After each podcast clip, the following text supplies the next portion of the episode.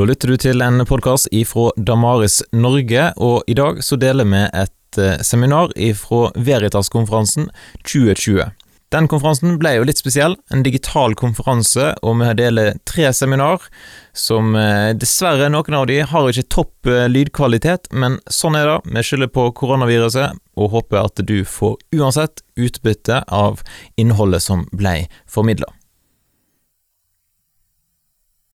Ok, Hjertelig velkommen til seminar om den seksuelle revolusjonen, som vi veldig snart skal finne ut hva er. Vi skal se på hva denne revolusjonen koster oss som enkeltpersoner og som samfunn, før vi utforsker lengselen som driver en slik revolusjon. Til slutt så prøver jeg å sette ord på hva jeg tror mennesker egentlig lengter etter. Det fins en bedre historie om seksualitet, og det er en historie som trenger å fortelles mer enn noen gang, både i kirka og i resten av samfunnet. Men hvem er jeg? Jo, jeg var Meyer-Briggs personlighetstest vil kalle en vandrende motsigelse. Eller som jeg pleier å beskrive meg sjøl, jeg er veldig glad i mennesker. Jeg, liker ikke bare, jeg er ikke så glad i å snakke med dem. Jeg er en idealist helt ut til fingerspissene. Til stor glede, men minst like mye frustrasjon. Men jeg heter altså Birgitte Wiste, ble ferdig utdannet som sivilingeniør i fysikk og matematikk med fordypning i statistikk nå i sommer, og jobber som undervisningsrådgiver i tro og medier. Der holder jeg foredrag om pornokulturens konsekvenser, som var et foredrag jeg holdt her på Veritas-konferansen i fjor.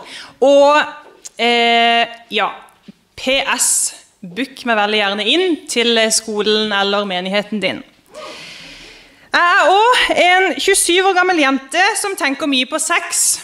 Misforstå meg rett. Fordi vi lever i et samfunn hvor det er umulig å ikke skulle tenke på sex. Vi ser nakne kropper uansett hvor vi snur oss. Vi ser filmer, hører sanger og ser reklamer. Alt spiller på sex. I tillegg er vi skapt med kropper som veldig gjerne sier ja takk til en liten cocktail av eh, bl.a. dopamin, oksytocin og serotonin. Alt som gjør at vi føler på glede og nytelse. Og som jeg pleier å si, Denne kroppen er jo skapt for å ha sex. Selvfølgelig har jeg lyst på sex. Noe annet ville vært å lyve. Resten av samfunnet snakker ofte og gledelig om sex. Men hva er kirkas svar på dette? Sex er jo tydeligvis noe som påvirker oss, kanskje mer enn noe annet. Jo, Kirka de snakker selvfølgelig minst like mye om det. Nei da, vi velger å ikke si noen ting. Eller vent, vi har jo den der kleine talen en gang i året, hvor det oppfordres til å holde seg unna eh, håndarbeid og bikinisoner. Og det er jeg for så vidt enig i, men jeg tror ikke det holder. Poenget mitt er vi må begynne å snakke om sex i kirka. Vi må begynne å snakke om at Gud skapte sex som noe vakkert. Vi kan ikke fortsette å fortelle ungdommene våre at de ikke skal ha sex før ekteskapet, uten å fortelle dem hvorfor. Vi må snakke åpent og ærlig om alle utfordringer og de praktiske dilemmaene som oppstår i en kjæresterelasjon. Vi må begynne å kalle en spade for en spade og en orgasme for en orgasme. Vi må formidle kunnskap om hvorfor Bibelen sitt syn på seksualitet er det mest attraktive alternativet. Med kunnskap så kommer frimodighet til å dele en bedre historie om seksualitet med resten av samfunnet, noe jeg tror de egentlig lengter etter å høre. Konsekvensene av den seksuelle revolusjonen viser det tydeligere enn noe annet. Store deler av seminaret er basert på boka til Stefan Gustafsson, som kom ut i 2019 og heter 'Nakna uten at blygass', og handler om den seksuelle revolusjonen og et revolusjonerende syn på sex. Boka kommer på norsk neste år, men eh, ja, for de som ikke klarer å vente, så anbefales den på svensk. Men hva er den seksuelle revolusjonen? Mange vil nok assosiere den med 1960-tallet, da det kulturelle uttrykket ble mer og mer seksuelt eksplisitt. I 1951 ble den første kvinnelige brystvorta vist i vanlig spillefilm. Fulgt av flere og flere filmer som tok et oppgjør med eh, en tradisjonell seksualmoral. Men synet på sex som folk begynte å leve ut på 60-tallet, det begynte å bli forma allerede av opplysningstidens fritenkere på 1700-tallet. Fritenkere var ateister eller agnostikere som tenkte at et liv uten Gud og uten religiøse autoriteter det leder til frihet. Den mest kjente er Marquis de Sade, som er opphavet til ordet sadisme. Som vil si å plage andre for sin egen ytelses skyld. Boken hans 'De 120 dagene i Sodoma' blir omtalt som tidenes ondeste bok og det mest ekstreme pornografiske litteraturen noensinne. For de Sade betydde seksuell frihet at det ikke fins noen grenser. Han hata ideen om Gud, som begrensa hans frihet. Og han mente at ut ifra naturen så er du fri til å gjøre alt som er mulig å gjøre. Det var altså her ropet starta, etter en seksualitet som er fri fra all moral. Seint på 1800-tallet ble sexologi en, et vitenskapelig forskningsområde. Samtidig vokste det fram en tanke om at veien til kjærlighet går gjennom kropper som forenes, og at vår frihet vokser når vi våger å følge naturen i stedet for anstendigheten. Det tidlige 1900-tallet var preg av fri kjærlighet og et rasjonelt syn på sex. I 1936 publiserte Wilhelm Reich, en østerriksk psykoanalytiker, en bok som het 'Den seksuelle revolusjonen'. Han sies å ha forutsett og lagt til rette for 60-tallets seksuelle revolusjon. Bl.a. med utsagn som at 'kjernen i livslykken er den seksuelle lykken'. Og nytelse ved å leve og nytelse ved å få orgasme er samme sak. På 60-tallet ble det praktisk mulig å leve ut denne seksuelle lykken da p-pillen kom på det norske markedet i 1967. P-piller ble på den måten symbolet på den seksuelle revolusjonen og kvinners eh, seksuelle frigjøring. For det gjorde det jo mulig, særlig for kvinner, å ha samleie kun fordi man hadde lyst.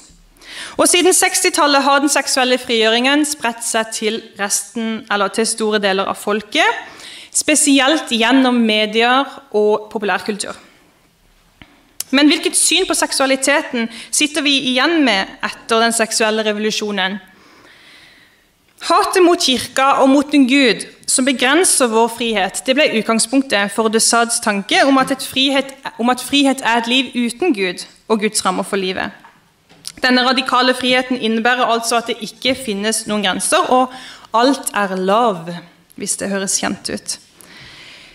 I dag lever vi i et samfunn hvor frihet handler om at jeg må få gjøre hva jeg vil, når jeg vil, hvor jeg vil, med hvem jeg vil.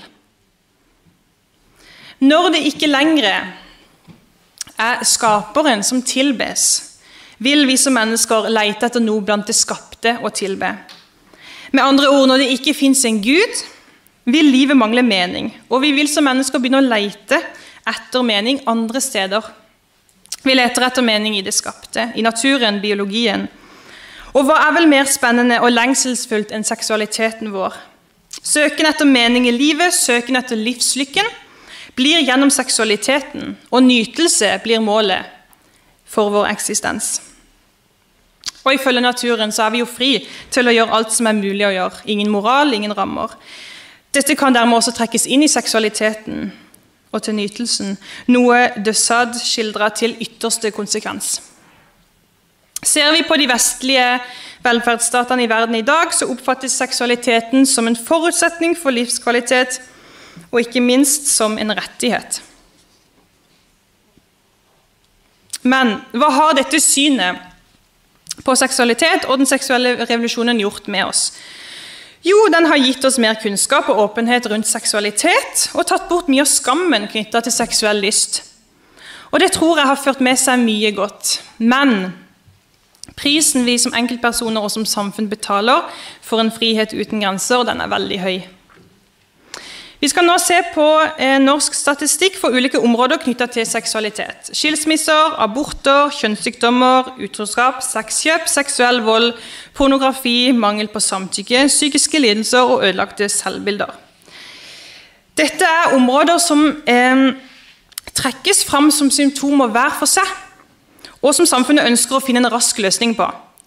Disse symptomene vil nok mange være enig i at vi kan knytte til den seksuelle frigjøringa hver for seg, men hva om alle symptomene henger sammen? I så fall så er vi vitne til en seksuell frigjøring som har gjort alt annet enn å sette folk i frihet. I 1966 så lå den relative andelen av ekteskap som gikk i oppløsning, på 9% I 2019 gikk 48% av ekteskapet i oppløsning. Legger man til samboerskap, som går i oppløsning, noe som er veldig mye vanligere enn i ekteskap, så blir tallene enda høyere. Skilsmisser er noe av det mest smertefulle man kan oppleve, og et lite søk på Google bekrefter dette. Skilsmissen gjør deg syk. Skilsmisse er en av de tøffeste livskriser man kan oppleve. Ja, i tillegg involverer en skilsmisse ikke bare de to voksne, men ofte et barn, foruten familie, slekt og venner. Både unge og voksne barn som har opplevd at foreldrene skilles, har flere psykiske plager enn de som ikke har skilte foreldre. Forskning viser òg at barn er lykkeligere og sunnere med en tilstedeværende far. Det ble utført 11 726 svangerskapsavbrudd i Norge i 2019. Det skal sies at aborttallene er historisk lave, noe som begrunnes med at flere kvinner bruker langtidsvirkende prevensjon. I tillegg har Norge fått flere helsestasjoner for ungdom, og prevensjon har blitt billigere pga. subsidiering. Men det er ikke bare et liv som går eh, tapt, men det påvirker både mor og far. Mange kvinner som har tatt abort, opplever sorg, tomhet, skyld og skam i etterkant. Det oppstår en ofte Eh, en følelse av tap og sorg over barnet som ikke ble født. Ifølge FHIs årsrapport for 2019 om seksuelt overførbare infeksjoner så er det en veldig bekymringsfull utvikling av gonoré- og syfilistilfeller. To kjønnssykdommer. Og I 2019 ble det diagnostisert 28 426, nei, 466 tilfeller av klamydia, som er det høyeste rapporterte antallet noensinne. Økningen er størst i aldersgruppa 20-24 år. Eh, klamydia er en alvorlig kjønnssykdom som kan føre til redusert fruktbarhet hos kvinner.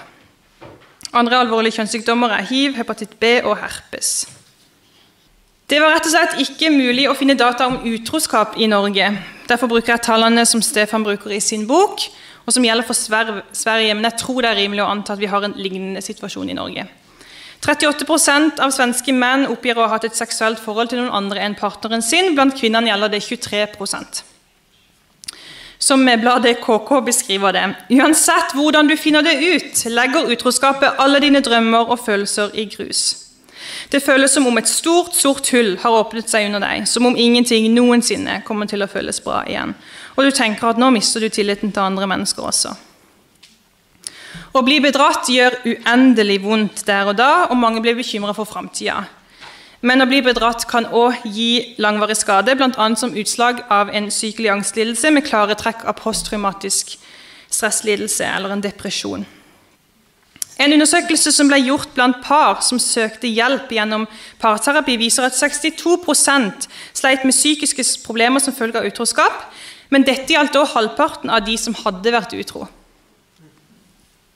Igjen så var det vanskelig å finne data om sexkjøp for Norge.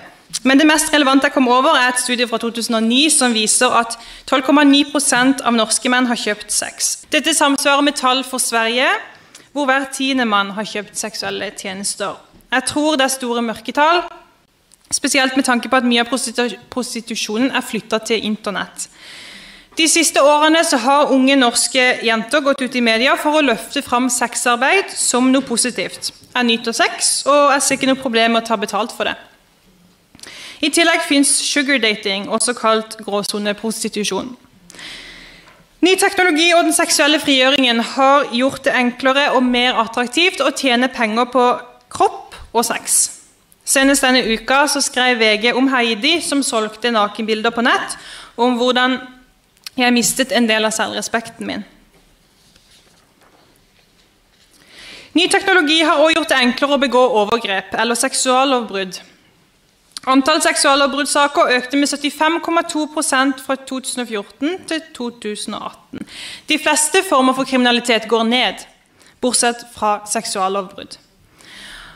Antall anmeldelser av seksuell omgang med og voldtekt av barn under 14 år har økt med 74% siden 2014. Festrelaterte voldtekter utgjør den største kategorien, 42 Nesten én av fem, 20% av de anmeldte var under 18 år på gjerningstidspunktet. Kripos uttrykker at det er grunn til å tro at kun et mindretall av det reelle antallet overgrep blir anmeldt. Seksuallovbrudd er kriminalitetsområdet med store mørketall. Vi ser med bekymring på den store andelen unge gjerningspersoner anmeldt for voldtekt. Dette henger sammen med at det å begå sitt første seksuallovbrudd i ung alder øker risikoen for nye overgrep, sier Kripos. Men når ble vold en del av seksualiteten? Det er på tide å dykke inn i pornografiens verden. Den seksuelle revolusjonen har bidratt til en avpersonifisering av sex. Det spiller ingen rolle hvem jeg har sex med. Det viktigste er at jeg får ha sex når jeg vil og hvor jeg vil. Noe som får sitt tydeligste uttrykk i pornoen. Mennesker er redusert til objekter for min nytelse, og når jeg er lei, kan jeg finne et nytt nytelsesobjekt. Og porno det påvirker oss på så mange negative måter. Avhengighet, impotens, urealistiske forventninger til sex, objektivisering av mennesker, spesielt kvinner. Sexpress, et umenneskelig kroppspress og en seksualisert ungdomskultur hvor grenser for hva som er ok, viskes helt ut. I tillegg holder pornografien hjulene i gang på menneskehandel, og pornobransjen tjener penger på utnyttelse og overgrep. Denne grafen viser hvor mange prosent som har sett porno på nett. Av gutter mellom 15 til 16 år har 76% sett porno på nett. Mange gutter sier at de i utgangspunktet bare så på mykporno, men at det måtte drøyere og drøyere innhold til for å opprettholde pirringa. Politietterforsker Eirik Husby Sæter kan nå vitne om at stadig flere overgrepssaker er inspirert av porno. Han sier i en typisk sak forklarer en jente i slutten av Ter når en 18 gutt har vært veldig røff med henne. At hun har sagt nei, oppfattet han bare som et spill. Ifølge Redd Barnas rapport som kom i mai i år, så eh, uttrykker ungdommene selv at porno gir et skada bilde av hvordan sex er. Eller som en gutt på 16 sier jeg har veldig lyst til å prøve det på ekte. Både binde fast og dominere en jente, se på at hun sliter med å komme seg fri, er redd osv. Og, og vi lurer på hvorfor vold er en del av seksualiteten.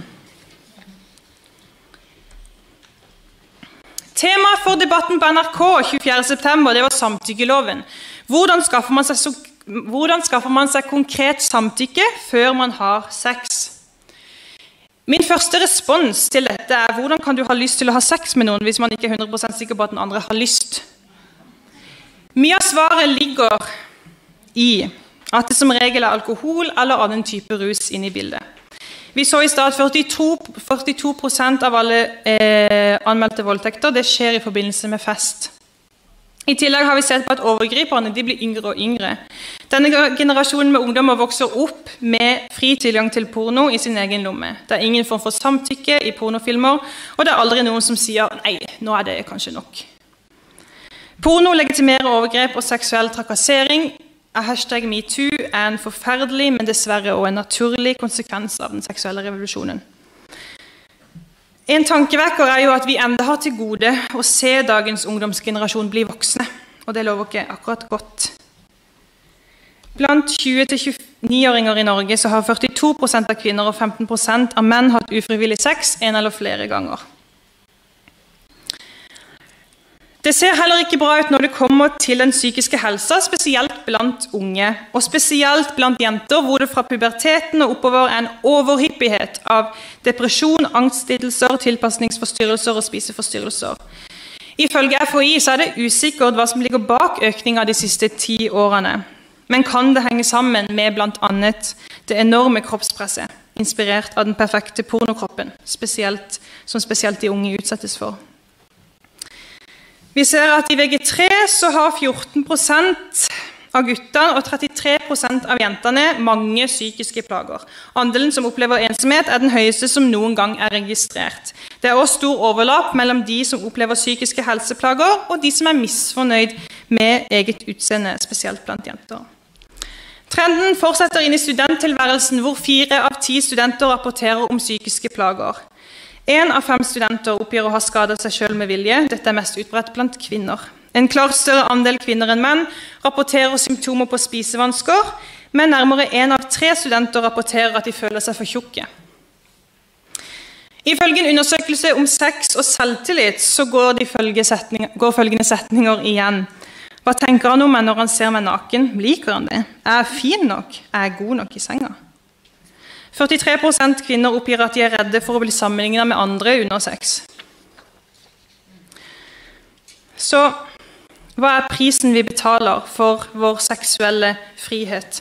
Hva er kostnadene av den seksuelle revolusjonen? Jo, bl.a. skilsmisser, aborter, kjønnssykdommer, utroskap, sexkjøp, seksuell vold, seksualitet definert av pornografi, mangel på samtykke, psykiske lidelser og ødelagte selvbilder. Og prisen den betales fra ung alder. Rett over halvparten av elever på VGS har hatt samleie. I VG3 har 64% av guttene og 70% av jentene hatt samleie. Veldig få debuterer før de var 14, men 21% av guttene og 24% av jentene debuterte før de var 16. Nordmenn begynner altså tidlig å ha sex, og vi har mye tilfeldig sex. Det er vanskelig å finne eksakte tall når det kommer til one night stands, men poenget er at nordmenn er ivrige på den fronten som vi ser på disse utklippene. Som Stefan trekker fram i boka si, så har personer rundt 20-årsalderen de har i gjennomsnitt flere sexpartnere per år enn hva tilsvarende aldersgruppe på 60-tallet hadde i løpet av et helt liv. Men mer det betyr nødvendigvis ikke bedre. En artikkel fra The Atlantic skriver om why, why are young people having so little sex? Og konkluderer med at vanlige unge voksne i dag har mindre sex enn hva de tilsvarende aldersgruppene hadde i tidligere generasjoner. Så vi har mer tilfeldig sex, men vi har også mindre glede av sex. Vi blir fortere lei. Carl, eh, Carl R. Truman han sier det sånn This is somewhat ironic. The age which denies any real significance to sex also wants to argue that sexual desires are of paramount importance to personal identity and fulfillment. Stefan han sier det på denne måten. Den seksuelle revolusjonen har ødelagt det som skulle settes fri. Seksualiteten skulle jo være meninga med livet, men har i stedet blitt tømt for dypere mening. Hva var det som dro i gang den seksuelle revolusjonen? Jo, tanken om at frihet er et liv uten Gud og hans rammer for livene våre. Frihet handler om at har du lyst, har du lov. Også når det kommer til seksualitet. Det blir altså her vi leter etter meninga med livet. Og nytelsen, koste hva det koste vil, blir eh, meninga med livet. Frihet er altså at jeg må få gjøre det hva jeg vil, når jeg vil, hvor jeg vil, med hvem jeg vil. Og Liberalismen har satt sitt preg på hvordan vi tenker på frihet i dag. Oppsummert så handler det om at eh, min frihet slutter der din begynner. Eller som det ble sagt i en ytring fra Unge Venstre Men friheten har en grense. Det må den ha hvis vi alle skal ha lik rett til den. Frihet som ifølge liberalismen er definert som å ikke være pålagt eller underlagt noe, trenger altså en slutt, en grense, en ramme.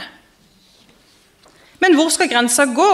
Og hva når det kommer til seksualiteten? Det blir problematisk når mennesker med sin subjektive moral skal sette en objektiv grense. Vi skal få lov til å følge hjertene våre så lenge det ikke skader noen andre. Dette er de fleste enig i. I tillegg trengs det jo en liste med avgrensninger mot eh, destruktiv seksualitet, som f.eks. sex med barn, dyr eller lik. Men hvor skal den eksakte grensa gå når det kommer til den seksuelle friheten? La oss se på sexroboter. Utviklinga går fort, og ved bruk av kunstig intelligens blir robotene mer og mer avanserte og realistiske. De som før bare var sexdokker, kan nå bli en robot som kommer med systemer som tilfører glidemiddel, kjønnslepper som kan vaskes i oppvaskmaskinen, og vagina som etterligner kvinnekroppens respons ved en orgasme. Fordi en robot kan programmeres, så kan sexroboter imøtekomme alle fysiske behov og potensielt være mye villere i senga enn en levende sexpartner. Du kan rett og slett skreddersy din egen elsker. Det blir en enda mer intens utgave av porno. Roboter har jo òg den eh, fordelen at de ikke har bevissthet og ikke blir skada av sex. De krever ingenting av deg, har alltid lyst og sier aldri nei. De har ikke rettigheter som kan krenkes. Derfor foreslår noen, at sexroboter kan jo brukes til å tilfredsstille seksuelle preferanser som verken moralsk eller juridisk kan tilfredsstilles av menneskelige partnere. Eh, det fins ja, Dette er ganske ja, fælt bilde, men jeg tror vi trenger å se det. Det fins allerede Ok, nei, det kommer etterpå. Greit. Ja, det fins allerede roboter med voldtektsinnstillinger, hvor roboten gir ulik grad av motstand, men med vold så kan den tvinges til sex. Og dette skjer i en tid hvor vi samtidig prøver å få, plass få på plass nye seksuelle normer, hvor samtykke og gjensidighet løftes frem som viktig. Ja, og nå kommer jo på en måte den mest ekstreme virkeligheten. I tillegg så finnes det seks dukker som etterligner barn. Her ser dere bildet av åtte år gamle Cat til venstre, og til høyre ser dere en sexdukke som ble reklamert for på Amazon. Og du ser hvor inspirasjonen kommer fra. Marquis de Sads verden har blitt en virkelighet. Sexrobotenes inntog demonstrerer ytterste konsekvens når den seksuelle nytelsen er meninga med livet. I tillegg tvinger det fram en debatt om hvorvidt sexroboter egentlig er noe mer enn et veldig avansert sexleketøy. Og hvor går grensa mellom et sexleketøy og utroskap? Hvem kan ærlig påstå at vi gjennom den seksuelle revolusjonen har kommet fram til et sunt og ikke minst konsekvent syn på seksualitet? Og er virkelig dagens syn på sex en frigjøring av seksualiteten. Jeg tror at fri flyt av sex og alkohol som samfunnet lever for i dag, det er en imitasjon av ekte frihet. Det er et rop om, hjelp, rop om hjelp til å finne oss sjøl, bli akseptert som vi er, i trygge relasjoner og finne en mening med livet. Det er altså en søken etter frihet, men av feil utgave og på feil sted. Vi lengter etter å kunne være 100% oss sjøl, uten å skammes. Alkoholen hjelper jo når det kommer til det å tørre å være seg sjøl, men den påfører også mye angst og skam. Sex, sex, er en måte å få anerkjennelse og overbevise seg sjøl om, om, at man er digg nok eller strekker til, i tillegg til å gi en form for tilhørighet der og da. Men nytelse og sex uten forpliktelse fører til tomhet. Jeg tror at ingenting rokker ved identiteten vår mer enn seksualiteten vår. Derfor tror jeg også at Gud visste veldig godt hva han holdt på med da han skapte seksualiteten til å leves innenfor visse rammer. Og Vi har sett på hvor kaotisk det blir når mennesker skal avgjøre hvor grensa skal gå, hvilke rammer som skal gjelde. Vi styres i bunn og grunn av vår egoisme. Likevel så lengter vi etter en form for rammer. Problemet er at vi leter på feil sted. Hvis du skal finne ut hvordan du best skal ta vare på et produkt du har skaffa deg, så leser du bruksanvisningen som følger med. Du sjekker ut hva skaperen bak produktet selv anbefaler. Og vi har faktisk en bruksanvisning når det kommer til seksualiteten vår. Den finner vi i Bibelen.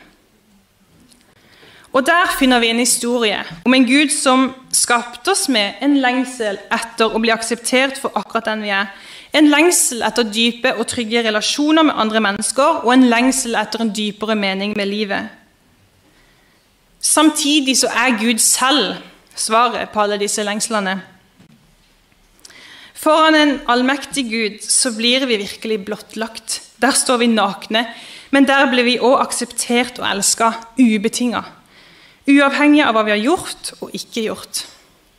Å elske ubetinga er noe vi kan få lov til å strekke oss etter og ta med inn i relasjonene til hverandre.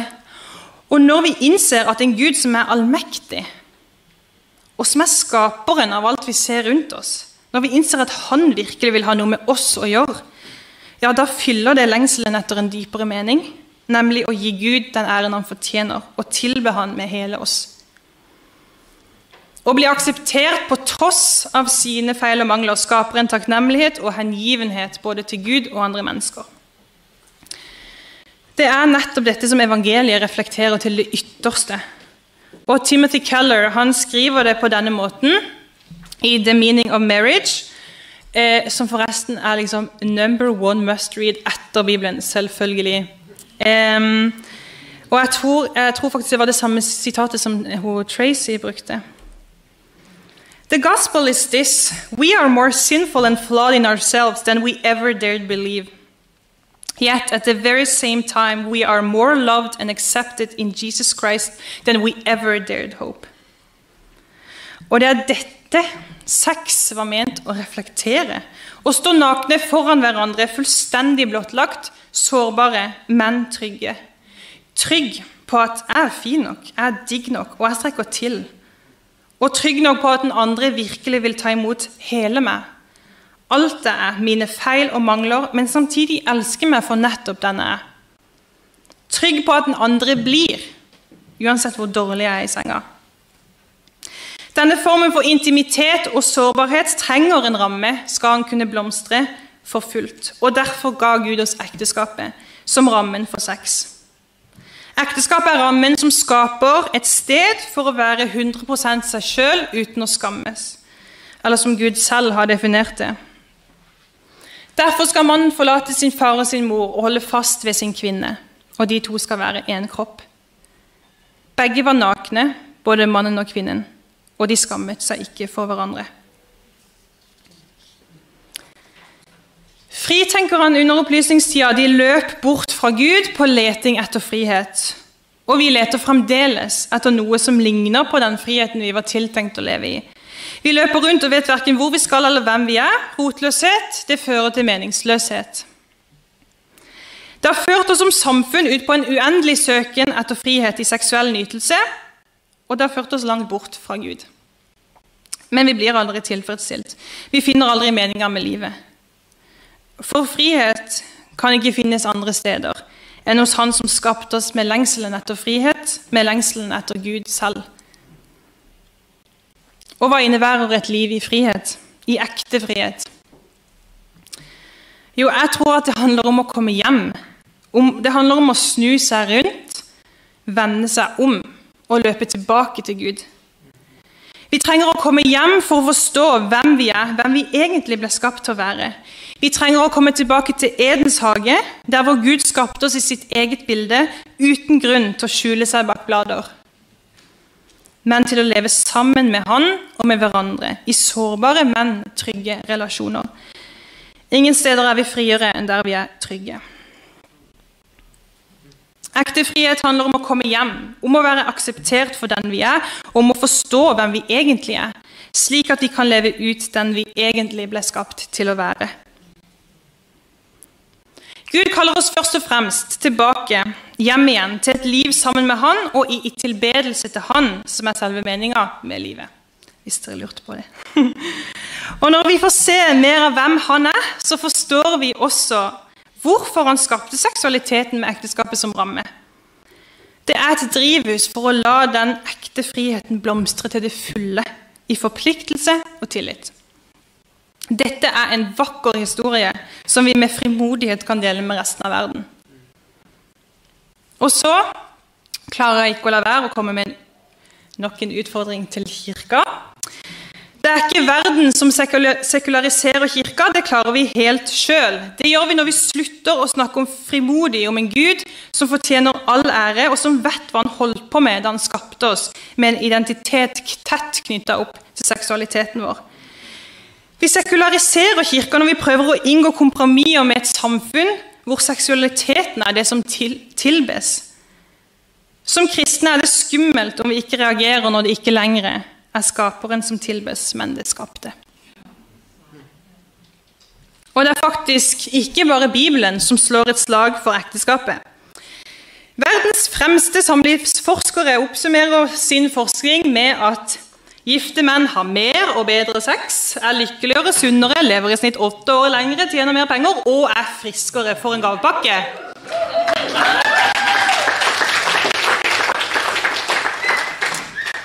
Og så til slutt så skal eh, ikke Bibelen Det er jo kanskje litt dumt. Men en anerkjent sex educator fra USA skal få oppsummere den vakre historien som sex var ment å fortelle. What if we could come to sex and be more like ourselves in sex than we could anywhere else in the world? What if it was a place we came to be known, to come alive? When sex only goes skin deep, we know it's missing something. We come to sex to touch what's beyond skin deep. And that's what makes sex really beautiful. Takk for meg.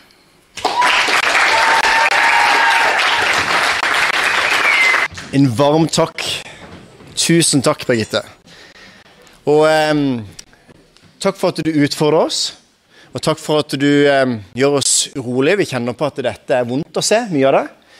Og så gir det oss et håp om at det fins noe som er ja, en, en retning som, som, er fra Gud. Som er en, på en måte en eh, At dette er det gode, dette er det Gud har skapt, med glede og forventning til.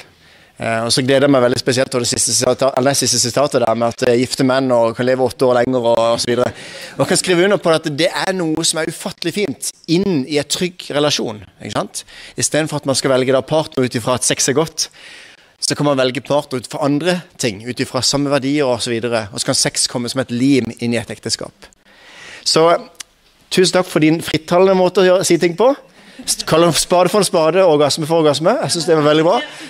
Ja, det var Og Oppfordringa kommer jo egentlig til oss òg nå, at nå må vi booke Tro Medier, eh, og spesielt òg da Birgitte visste. Eh, og la de få lov til å komme inn i våre sammenhenger og tale frimodig på dette. Og vi som pastorer eller andre ledere må tale frimodig på dette, for vi har det beste å komme med.